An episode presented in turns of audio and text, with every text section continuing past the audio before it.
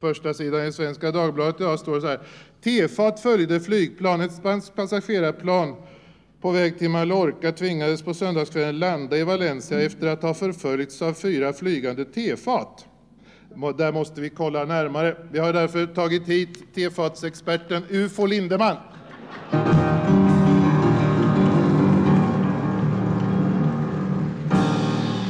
Hjärtligt välkommen hit. H2, H2. Vadå? H2, H2, det är en eh, internationell eh, rymdbeteckning för hej, hej. Ja, Är det det? ja det säger man alltid i Ja. rymdkretsar. Ja, H2, H2 i så fall. H2, H2, ja. H3, hej, hej, hej. Ja. Jo det, så är det. Jo, jo, H2 det- då, hej, hej då. Ja. Nu vill vi ha klara besked om det här med tefaten. Ja, tefaten det är en mycket speciell sorts fordon som rymdvarelser, framförallt ifrån eh, planeten Mars, använder sig utav. Eh, de drivs inte som många tror med te, som man tror. Nej, utan det är T-sprit som de har, som de laddar där bak. Sen har de kvinnliga förare, så kallad teskedsgumma som sitter längst fram och rattar de där farkosterna rakt mot jorden. Ja.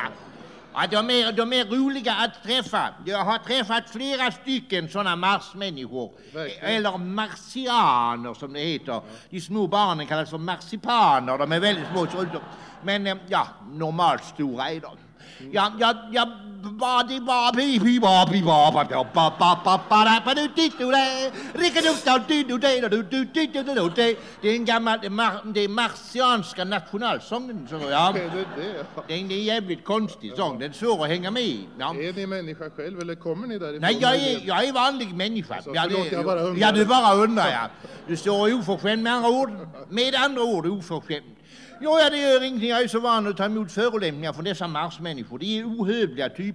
Häromdagen så var där faktiskt ett tefat som landade i, eh, i, eh, i min trädgård. Jo, det gjorde det. Kom in susande så här, landade så, och ut hoppade en marsmänniska, smög sig sakta fram mot mitt hus så här, glidande steg och tog in, dörren stod öppen. Dörren stod öppen så han kom in och så studsade han och tittade på mitt piano. Så stod han där. Så drog han upp en strålpistol och sa och så tittade han på pianot och sa sluta att flina på det där viset, sa ja, ja, ja.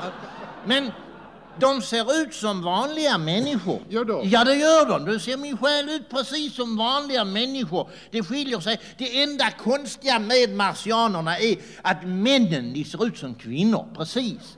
Och kvinnorna ser ut som män, precis. Och sen så talar de småländska. Ja. Det var märkligt. Och, och så det, språket är ungefär samma fast att man heter kvinna på marsianska och kvinna heter man. Ja, det är jävligt konstigt, men det är alltså männen som då heter kvinnor som föder barnen i form av små kottar. Ja, nej, av små kottar. Marsipaner tycker Marsipaner, det blir sen det. Först är de kottar, sen blir de marsipaner. Sen växer de upp. Men de är alltså bara mellan 80 och 90 centimeter långa när de är fullväxta. Alltså eh, marsianska centimeter, de är dubbelt så långa som jag. Så de är ungefär 1,70, 1,80 så här långa ungefär. Och så, ja, och så deras ledare, jag bara, tag mig till er ledare, sa jag till dem när jag träffade dem. Och de, han heter Fälldin. Ja, det var jävligt, ja. Jo, han gör det. Han, heter han ser likadan ut som, som, som Fälldin fast att han röker. Väldigt mycket, ja. Ja. Det gör han. Inte pipa utan böckling. Han har alltid en böckling, ja. Som han går omkring så, ja. Ja, vad, he- vad heter han då? Han heter alltså Han heter Fälldin, ja. Solveig han. nej, nej han, heter, han heter Ingmar Fälldin, precis säger han. Jo, fy fan vad man har varit med om. Det är inte roligt alla gånger, nej. Jo, och ehm, ja, han berättade förresten, eh, den är Fälldin, eh, deras ledare, han berättade om det. Hans, eh, om hans, han var väldigt rädd innan han kom till, eh, till jorden första gången, för han hade skickat ut en expedition, eller expedition, det, det heter så på Mars, ja, expedition, det betyder expedition alltså. Ja. Eller pidi heter det väl inte? Det heter pedi. Ja, i alla fall. Det är olika dialekter de har på baksidan. Och Fram i april så heter det pidi. Nå, i alla fall.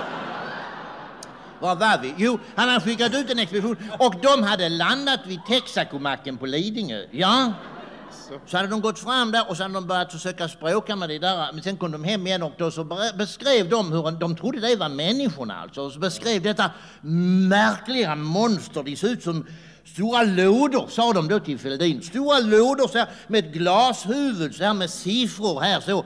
Och så har de världens längsta könsorgan. Ja, instoppat i örat.